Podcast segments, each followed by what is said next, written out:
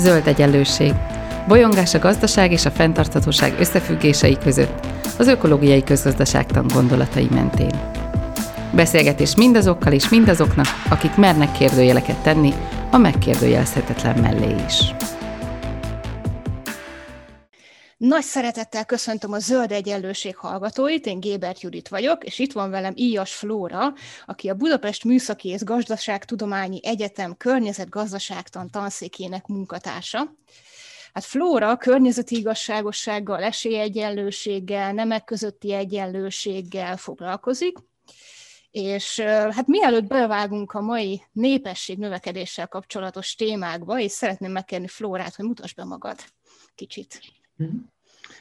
Szia Judit, sziasztok! Köszönöm a, lehetőséget.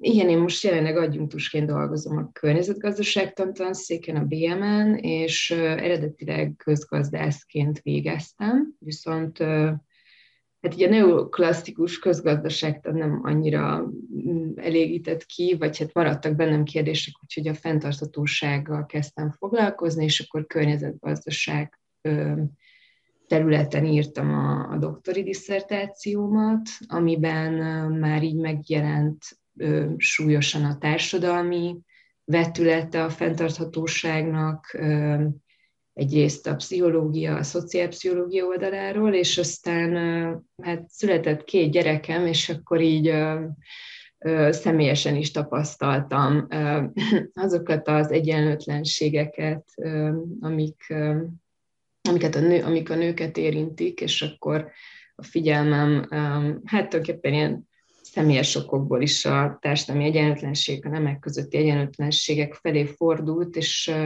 és hát így nagyon érdekes és izgalmas az, hogy, hogy hogyan függ ez össze a környezeti problémákkal, hogyan válik ez egyre fontosabbá vagy hát eddig is fontos volt, de hogy így kerül fókuszba a, a fenntartatósági kérdésekben, ugye a fenntartató fejlődési célokban is kapott egy külön célt, a nemek közötti egyenlőség, és akkor nyilván ennek részterületei, vagy hát, vagy hát ehhez kapcsolódó területek a környezeti igazságosság, és, és egyébként akár a, a kritikai pszichológia is, ami, ami meg mondjuk az internalizált kapitalizmussal és, és, és különböző rendszerkritikai elméletekkel foglalkozik. Úgyhogy most ezek, ezek érdekelnek, és ezekkel próbálok dolgozni. Ugye azt mondtam, hogy népességnövekedésről fogunk ma beszélgetni. Uh-huh. Ez hát nem új téma, mert hogy már a 18.-19. században is írtak róla, például Thomas Malthus, aki ilyen emblematikus szerző a témában, ő például azt írta, hogy a népesség az exponenciálisan nő, az élelmiszer viszont csak lineárisan, ezért előbb-utóbb eljutunk egy olyan helyzetbe, ahol a populáció az jobban nő, mint az élelem, és ez gondot fog okozni, vagyis a népességnek a veszteségét fogja okozni. Hát nagyon hasonló állításokra jut aztán így a 20. század ilyen emblematikus szerző páros, a Paul és Anne Ehrlich, akik valami hasonlót jósoltak. Szerintük, ha megmaradnak az akkor így a 20. század közepén jellemző trendek, akkor hamarosan túllövés következik be. Hát ők a 80-as évekre 4 milliárd ember éhen halását jósolták. Hát így 60 évvel később azt gondolom, azt látjuk, hogy tulajdonképpen egyik jóslat se igazán vált be.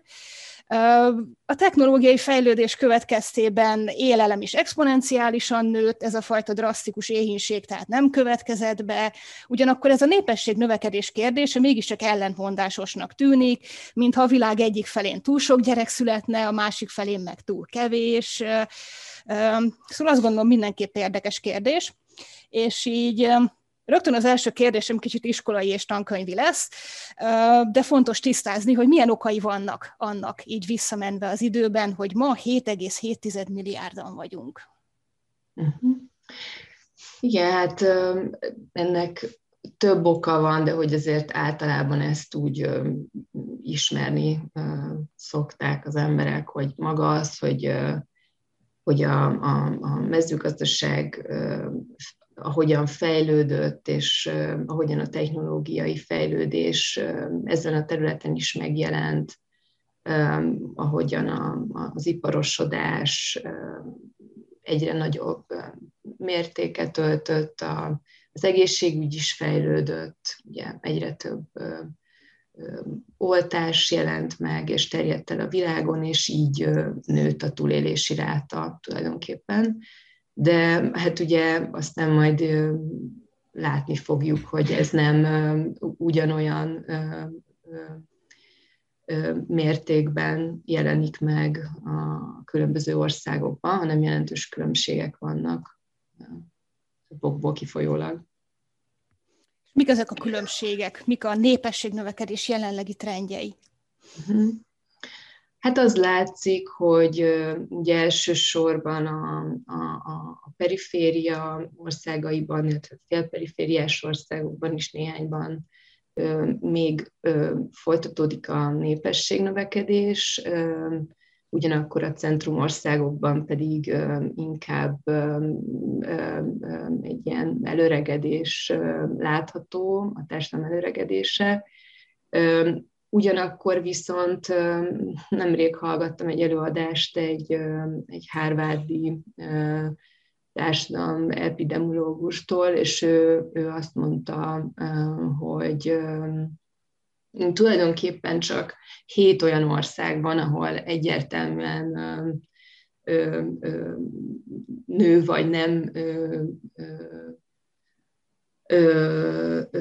nő a termékenységi ráta, és az összes többi országban csökken. Tehát, hogy, hogy nagyobb a valószínűsége úgy tűnik ez alapján annak, hogy az előregedő társadalmak egy nagyobb problémát fognak jelenteni a következő évtizedekben, mint az egyébként ilyen mm, kicsit már ilyen pánikkeltő, ugyanakkor szintén potenciálisan jelentős problémát jelentő, nem tudom, 10 milliárd, meg, meg még több ember, amit jósolnak mondjuk 2050-re.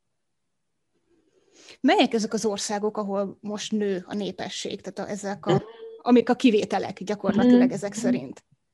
Ezek főleg a szubszaharai, szubszaharai afrikai országok, mint például Uganda, Nigéria, jellemzően azok az országok, ahol egyébként nagyon nagy a szegénység is, és hát átlagban ilyen hat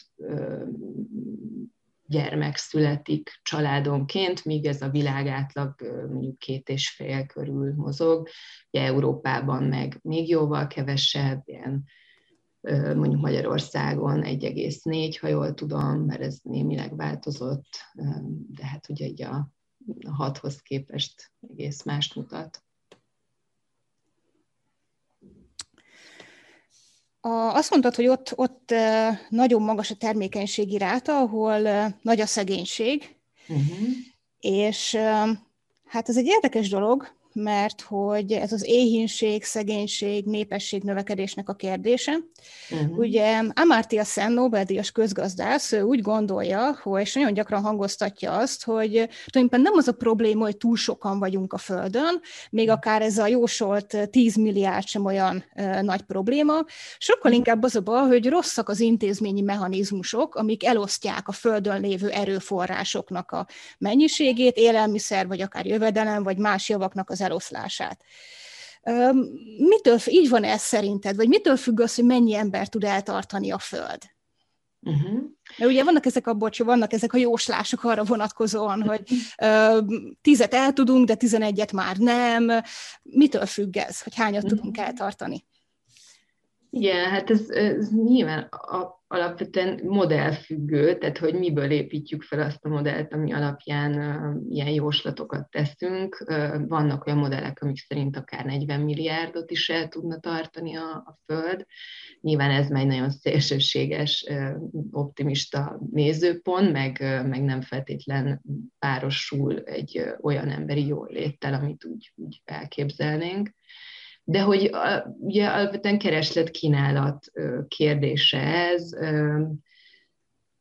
vagyis, hogy például milyen fogyasztói kosarak vannak, tehát hogy, hogy milyen étrendeket tartalmaznak ezek például, ugye, mint a, megjelenik itt a mezőgazdaság és a húsfogyasztás, mint számos környezeti probléma okozója, tehát az, hogy mondjuk a húsnak a vízlábnyoma az kb. 20-szor nagyobb egy kalóriára vetítve, mint egy növényi étrendű étrendnek, az, az már mutatja, hogy mennyire jelentős kérdés az, hogy, hogy ez a jósolt 10 milliárd ember ez, ez milyen fogyasztást fog megvalósítani, és ott van ugye a kínálati oldal is, ami meg ennek megfelelően alakul, vagyis az, hogy, hogy akkor a, a fogyasztói szokások, azok, és nyilván ezzel párhuzamosan a, a, a termelő, termelés oldal is milyen sebességgel éli fel a természeti tőkét, továbbra is tart-e az a trend, hogy a kilencből már három-négy planetáris korlátot átléptünk, ami a földhasználat, a, a biodiverzitás, meg a klímaváltozás is például. És az is kérdés, hogy milyen technológiákat használunk nyilván, tehát hogy, hogy mennyire hatékonyan tudjuk az erőforrásokat kinyerni, az energiát felhasználni ugye van egy ilyen elmélet, például a, visszapattanó hatás is, hogy, hogy hiába mondjuk nagyon hatékonyan tesszük mindezt, és különböző, nem tudom, zöld termékeket és technológiákat használunk, mert hogy az, az a jelenség is megfigyelhető, hogy, hogy ez azt is okozza, hogy a megmaradt, megspórolt energiát azt újabb nem tudom, erőforrások kinyerésébe tesztük bele, és így összességében nem is spóroltunk meg tulajdonképpen semmit. Tehát, hogy nagyon, nagyon sok uh, itt a nyitott kérdés, hogy mivel, mi mihez vezet, és akkor ugye ez még csak a, a, a, a gazdasági rész mondjuk az elosztásnak, de nyilván van még, van még egy nagyon jelentős emberi jogi rész is, hogy mit tehetünk meg, és mit nem. Például. Itt a zöld egyenlőségben már nagyon sokszor volt téma az, hogy így a technológiai változásnak a hatása a környezeti problémákkal kapcsolatban, illetve az ember jól létével kapcsolatban, és például valami ilyesmi is elhangzott, hogy az éhínséget az tulajdonképpen nem olyan technológiai megoldásokkal kellene megoldanunk, mint például mondjuk a szintetikus húsnak a feltalálása, vagy valami másfajta szintetikus élelmiszer, hanem sokkal inkább így a fogyasztói kosár összetételén kellene változtatni, amit te is mondtál, hogy mm-hmm. nem az a feladatunk, hogy új élelemtípusokat találjunk ki, hanem hogy egy kicsit próbáljunk meg átgondolni azt, hogy mi kerül abba a bizonyos kosárba. Mm-hmm. Igen, és hát ugye nagyon nem mindegy, hogy milyen a tápanyag tartalma az élelmiszereknek. Tehát ugye a, a monokulturális termeléssel, hogy kiürülne, kiürül a nitrogén, a foszfor a talajból, jó, hogy ezt próbálják visszapótolni, de hogy így azért erősen kérdéses, hogy milyen lesz a tápanyag értéke azoknak a terményeknek, amiket ezekkel a technológiákkal termesztünk, ugyanakkor viszont egy nagyon jelentős mértékben lecsökkent ezek miatt, a technológiák miatt az éhínség a világban, tehát hogy itt ez egyébként egy tényleg nagyon bonyolult és nehéz ügy, maga ez az egész népességnövekedés kontra a környezeti problémák, kontra a társadalmi egyenlőtlenségek téma, úgyhogy jól választottál témát, azt hiszem, hogy választottam. Igen, és azt mondtad, hogy ez nehéz ügy. Ennek ellenére így azt gondolom, hogy Manapság sokkal kevesebb szó esik a népességnövekedésről, mint mondjuk 40-50-60 évvel korábban. Tehát, hogy korábban egy kicsit többet beszéltünk ezekről a problémákról, és manapság is ugyan például az IPCC említi, hogy a klímaváltozás egyik oka a népességnövekedés, de például a 2015-ös Párizsi megállapodásban ez háttérbe szorult ez a téma, és sokan kritizálják is a Párizsi megállapodást, amiatt, hogy hát ott nem, nem nagyon kerül elő az, hogy népességnövekedés. Szóval mit gondolsz, miért hallunk mostanában kevesebbet a népesség növekedésről, vagy miért nincs ez így fókuszban? Sokkal inkább a klímaváltozás van fókuszban. Uh-huh. Hát ez egy nagyon jó kérdés. Én azt hiszem egyértelmű választ nem tudok erre adni, csak találgatni tudok, hogy azt gondolom, hogy emögött egyrészt van ez a nehézség, hogy érzékeny terület, tehát mondjuk a népességszabályozás kérdése, ami erősen ugye, kulturálisan is behatárolt, aztán ugye a reprodukciós jog a nemzeti egyezményekben elismert emberi jogok részét képezi, tehát hogy, hogy így azzal is nehéz mondjuk egyességre jutni nagy nemzetközi egyezményekbe, hogy akkor most ezzel mit lehet kezdeni. Az is lehet, hogy egyszerűen tényleg ez a, hogy nem, nem váltak be ezek a jóslatok egyelőre, azok így elvették a fókuszt, és, és bíznak a technológiákban a, a, a vezetők, az is lehet, hogy egyszerűen más témák hangsúlyosabbak, illetve hát egyébként szóval a népességnövekedés kérdése, én ahogy így készültem erre a beszélgetésre, egyre inkább azt tettem, hogy tulajdonképpen a, a, az éhínség és a szegénység kérdésköre. Tehát, hogy majdnem, hogy egyet jelent vele, és azért ezekkel viszont kiemelten foglalkoznak, tehát a, legalábbis a fenntartó fejlődési célok között ez a két terület abszolút prioritást kap, úgyhogy talán még ez is benne lehet ebben. Azt mondtad, hogy itt a reprodukciós jogok, és hogy mit lehet ezzel kezdeni, ez egy ilyen érzékeny téma, és a Rézannával két héttel ezelőtt beszélgettünk itt a gyerekvállalás kapcsán, hogy az egyéni döntés, vagy társadalmi kötelesség, hogy egyrészt mégiscsak azt gondoljuk, hogy a reprodukciós jog az egyénhez tartozik, de mégiscsak vannak itt társadalmi szempontok. Ehhez képest így hadd utaljak vissza, így a Maltuszra, akivel kezdtem ezt a beszélgetést, hogy ő még annó amellett érvelt, hogy hagynunk kell az éhezőket éhen halni, vagy legalábbis kevesebbet segítsünk nekik, mert ha segítünk nekik, akkor végső soron több szenvedést okozunk a világnak, mert ha segítünk nekik, akkor több szenvedés lesz, több gyerek születik, és ők csak még többet fognak szenvedni az éhínség miatt. Így emberi jogi szempontból mit gondolsz erről? Hú, hát nagyon problematikusnak tartom, vagy inkább filozófiai, vagy egyszerűen csak humánus szemszögből ezt a gondolatmenetet, meg egy jóléti tudósnak a szűk, nem akarom leúzni nagyon Máltusz, de hogy így, így nyilvánvalóan nem éhező gyerekei vannak, vagy voltak, és úgy tette ezeket a kijelentéseket vagy ezt, vagy ezt a javaslatot. Tehát én azt gondolom, hogy itt, itt abból kell kiindulni, hogy, hogy, hogy az emberségességünket megőrizve, és, és szem előtt tartva, hogy, hogy így emberként maradjunk meg az emberi társadalomban, és erről az alapról próbálni hozni humánus döntéseket. Egyrészt ugye tudunk ilyen top-down megoldásokat keresni, ugye jellemzően a nemzetközi szintéren ebből indulnak ki, mint a különböző népességszabályozási eszközök, és akkor ugye itt szóba jöhet Kínának az egygyerekes családpolitikája, ami egyrésztről ugye ezeket a missing women-eket eredményezte, vagyis, hogy egyszerűen el, eltűntek nők, vagy hát lánygyermekek, ami alatt azt értjük, hogy valószínűleg nagyon sok illegális abortusz lehetett, és kifejezetten ugye a, a lány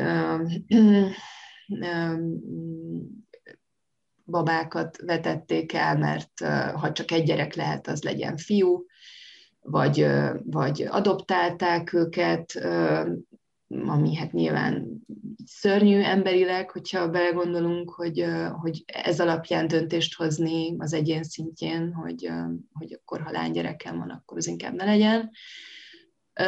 Ráadásul nem is feltétlenül mondható sikeresnek, mert, mert tájföldön hasonló gazdasági folyamat játszódott le, mint Kínában, és hogy ott is csökkent a, termékenységi ráta pedig nem volt ilyen politika, tehát hogy lehet, hogy Kínában is egyszerűen azért csökkent, mert hogy így a gazdasági fejlődés során így hasonló folyamat játszódott le, mint általában az országokban, hogy ahogy egyre jól szituáltabb mondjuk egy család, vagy jobb lehetőségei vannak, jobb egészségügyi ellátása, oktatása, és csökken a gyermekhalandóság, úgy akkor megéri többet befektetni egy, egy gyermekbe, mint, az, hogy többet vállalni, és akkor majd talán túlél belőle annyi, amennyi el tudja tartani később a családot. Tehát szerintem ez is nagyon problémás, vagy például most volt egy botrány Romániában, hogy ott a, az egyik ilyen jobboldali párt ajánlotta fel, hogy a, a roma nőknek a sterilizálásáért fizet, és mert ez is nagyon-nagyon problémás. Azt hiszem nem kell magyarázni, hogy miért. Akkor Nigériában is volt egy nagy tüntetés azzal kapcsolatban, hogy a szülést törvényileg akarták szabályozni. Tehát, hogy, hogy, hogy ezek a népességszabályozási eszközök, ezek a fajtái, ezek, ezek, ezek szerintem nagyon, nagyon problémásak, és amit talán így, amit lehet tenni, és általában a, a mondjuk van egy ilyen közös álláspontja, vagy tud lenni egy közös álláspontja az ENSZ-nek, amiben ezt így támogatják, az az, az oktatás, tehát hogy, hogy főleg a, a, a nők minél nagyobb arányú bevonása az oktatásba, az teljesen egyértelműen például a Winson Intézet 500 kutatójának felmérése alapján is egyértelműen korrelál azzal, hogy ott azokban az országokban, ahol egyébként magas a termékenységi ráta, ott a, a, a, a kisebb számú gyerekvállaláshoz vezet. Az előbb is említetted a Kínának a problematikus ilyen politikáját, és hát egy eléggé közhely tulajdonképpen, hogy ez a népesség növekedésnek a kérdése, meg az ezzel kapcsolatos bármiféle ilyen politikai beavatkozás kérdés, az másképp érinti a nőket, meg a férfiakat. Uh-huh. Um, tudsz erre még példát mondani, vagy mit látunk ma ebből? Uh-huh, abszolút. Um, igen, még, még, még egy pillanatra visszakanyarodva az előző témához, hogy, és az oktatásra nyilvánvalóan az egészségjavítása is egy ilyen téma, ami, ami, ami abszolút segíti a, a perifériás országokban a, a, a kevesebb gyermek vállalását. Azért, amit elmondtam, hogy, hogy ugye sokkal többet fektetnek akkor, ha van miből, és jó az egészségügyi ellátás abba, hogy az az egy-két gyerek, aki valószínűsíthetően életben marad, hogy őt, őt segítsék, és majd ő tartsa a családot. A nőket pedig ehhez kapcsolódóan ugye sokkal inkább Úgyhogy nem, ha ez a témához próbálunk hozzányúlni, akkor, akkor nem lehet elmenni a, a nemek közötti egyenlőtlenségek kérdése mellett, azért, mert például a, a fenntartó fejlődési célok, amik ugye most 2030-ig lettek így, így, így becélozva, azok között is a, a, a felkészülési fázisban, vagy a felmérési fázisban megmut- rámutattak, hogy, hogy a, a nők még mindig például sokkal kisebb arányban tudnak általános iskolába járni, így egy konkrét adat, hogy 15 millió lány maradt ki általános iskolából, miközben csak 10 millió fiú maradt ki, és ezért is van az, hogyha a népességnövekedést szeretnénk lassítani, a, a, főleg a, a perifériás országokban, akkor az oktatásra kell nagy hangsúlyt, feje, fekt, az oktatásra kell nagy hangsúlyt fektetni, De ugyanígy, ahogy ugye már említettem, hogy a népesség kérdése, vagy a népesség növekedés kérdése az tulajdonképpen a szegénységről és az éhezésről szól, szóval, hogy, hogy nyilván a túl sok emberrel az a probléma, hogy akkor sokan lesznek szegények, és sokan fognak éhezni, és, és itt is a nők kiemelten érintettek, mert a nők szegénység kockázata világszerte, illetve egyébként Magyarországon is magasabb a férfiakéhoz képest, és legrosszabb helyzetben pedig jellemzően az egyedülálló anyák vannak.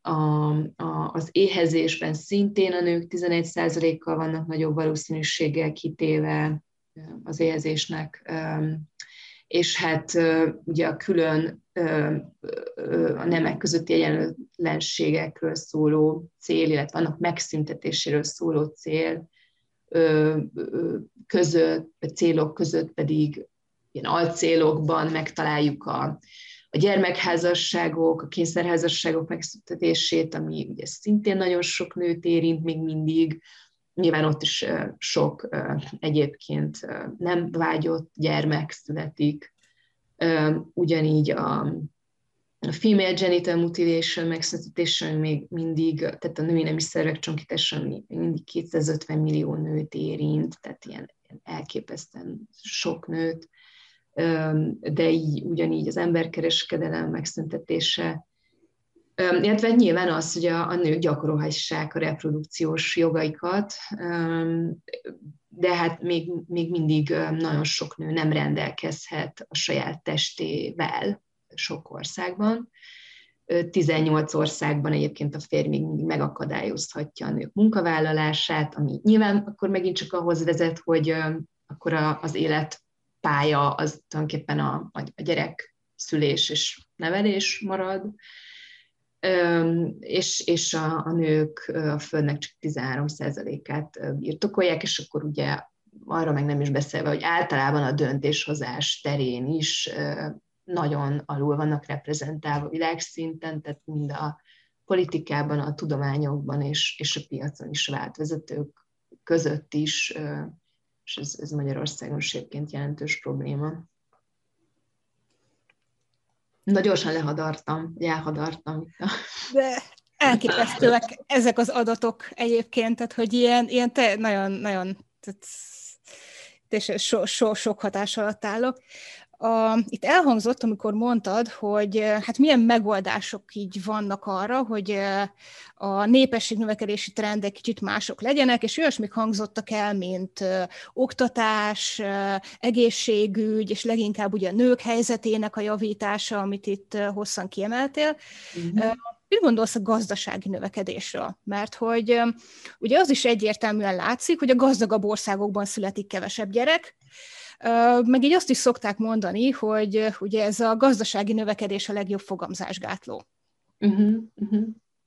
Hát igen, itt jön be az ugye, hogy amiért ez egy nagyon problémás terület, hogyha egyszerre próbáljuk a környezeti problémákat, a, a társadalmi egyenlőtlenségi problémákat, ami besorolnám, akkor mondjuk egyébként a, a népesség növekedés, meg az előregedés problémáját is, mert hogy, mert hogy ugye vannak olyan megoldásaink, amik lehet, hogy javítják a mm, csökkentik mondjuk a születésszámot, de például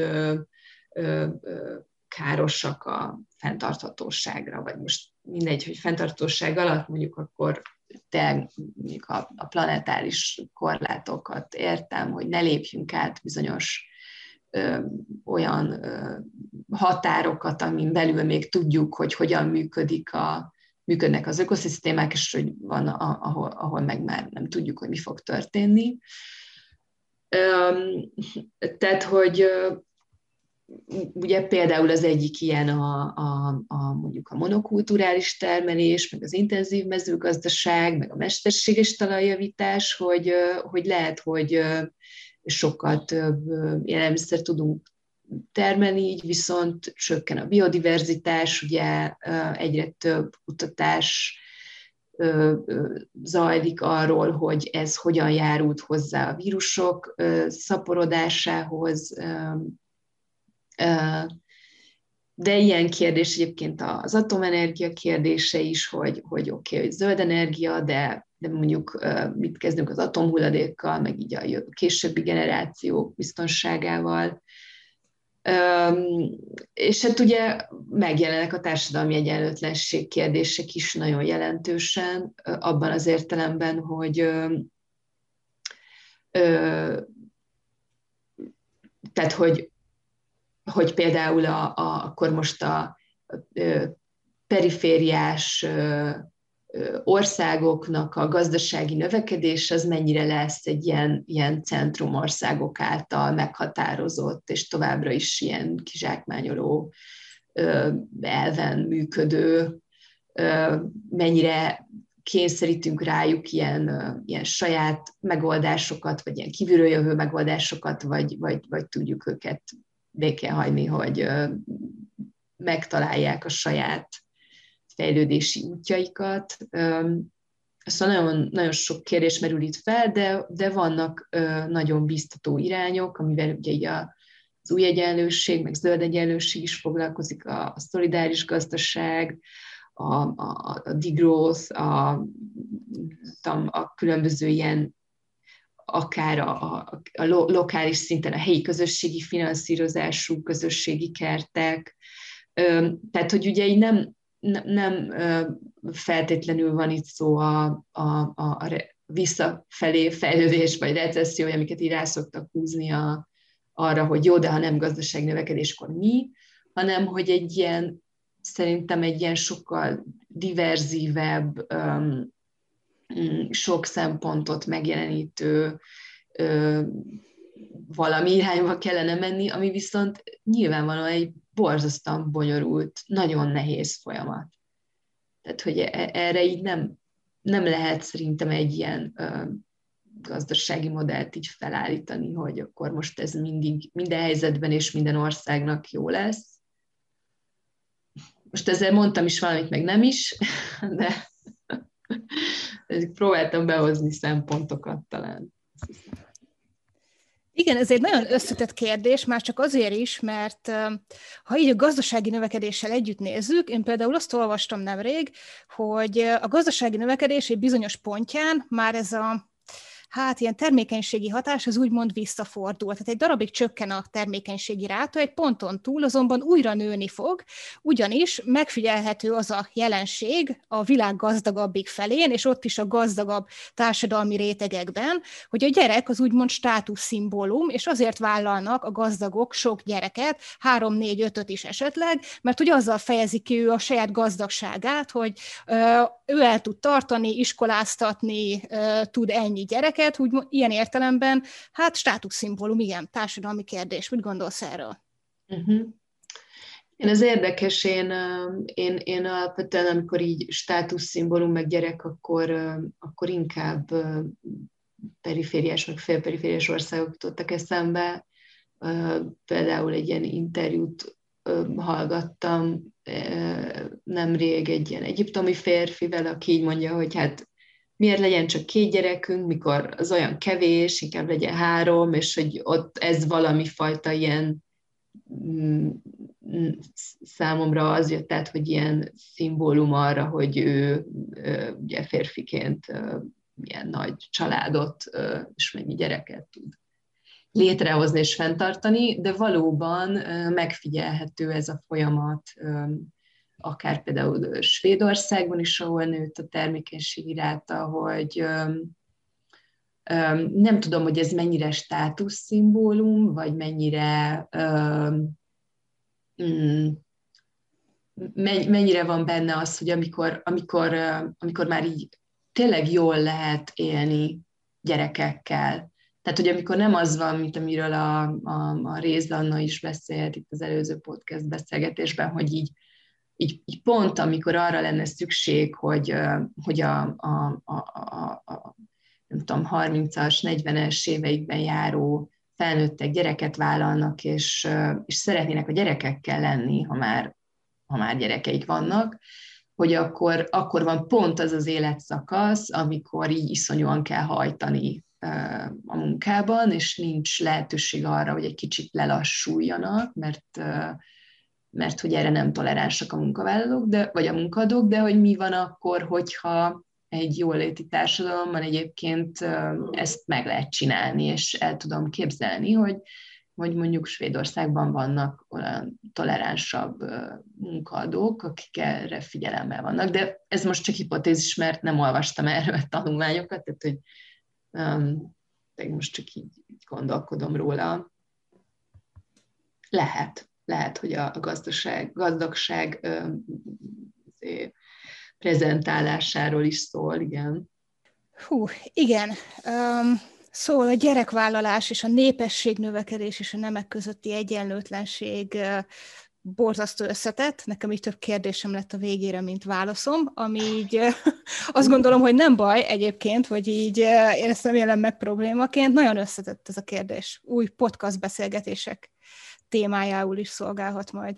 Úgyhogy én nagyon köszönöm szépen ezt a beszélgetést neked, és köszönöm a Zöld Egyenlőség hallgatóinak, hogy itt voltak velünk. Én is köszönöm. Ez volt az Új Egyenlőség zöld podcastjának mai adása. Hallgassátok az Új Egyenlőség piros podcastot is. Nézzétek a stúdióbeszélgetéseket a YouTube csatornákon, és olvassátok a www.újegyenlőség.hu-t. Vitatkozzatok velünk a Facebook oldalunkon. Jövő héten újra találkozunk.